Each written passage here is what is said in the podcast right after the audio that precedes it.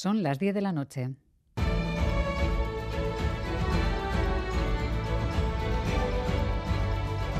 Radio Euskadi y Radio Vitoria.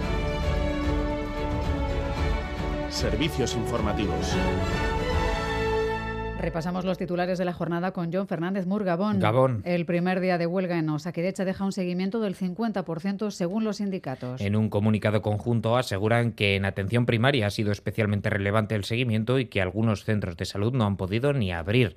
También se han suspendido consultas de especialidades, resonancias y otras pruebas e intervenciones. Escuchamos a los portavoces del sindicato SATSE y de ELA centros que no han, que no han abierto amplio seguimiento también en el servicio de rayos, también en consultas externas y bueno, estamos viendo que, que, la gente está respondiendo a la huelga. Que las condiciones laborales y salariales de las personas, de las trabajadoras, quieren que sean otras. La plantilla está respondiendo absolutamente, solamente que los servicios mínimos han sido totalmente abusivos.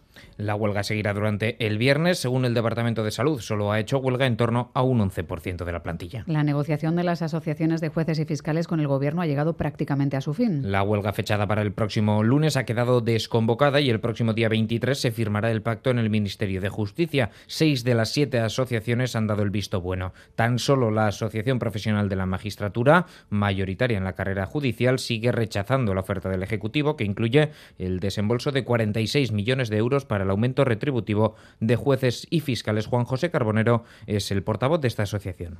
Sintiéndolo mucho, pues no podremos firmarlo. Es cuestión de qué es lo que pasa de aquí al martes, pues ya veremos. El Gobierno central se plantea convocar el Comité de Crisis de Igualdad para analizar el repunte en los asesinatos machistas. Y es que con el asesinato de Lourdes eh, del Hoyo anteayer en Orio y el de otra mujer ayer mismo en la localidad malagueña de Torremolinos, son cuatro las mujeres asesinadas en las dos últimas semanas en el conjunto del Estado. Es todo. Así terminamos. Más noticias en una hora y en todo momento en itv.eus y en la aplicación ITV Albisteac. Les dejamos con el debate electoral entre los candidatos a las Juntas Generales de Guipúzcoa. Gerarte.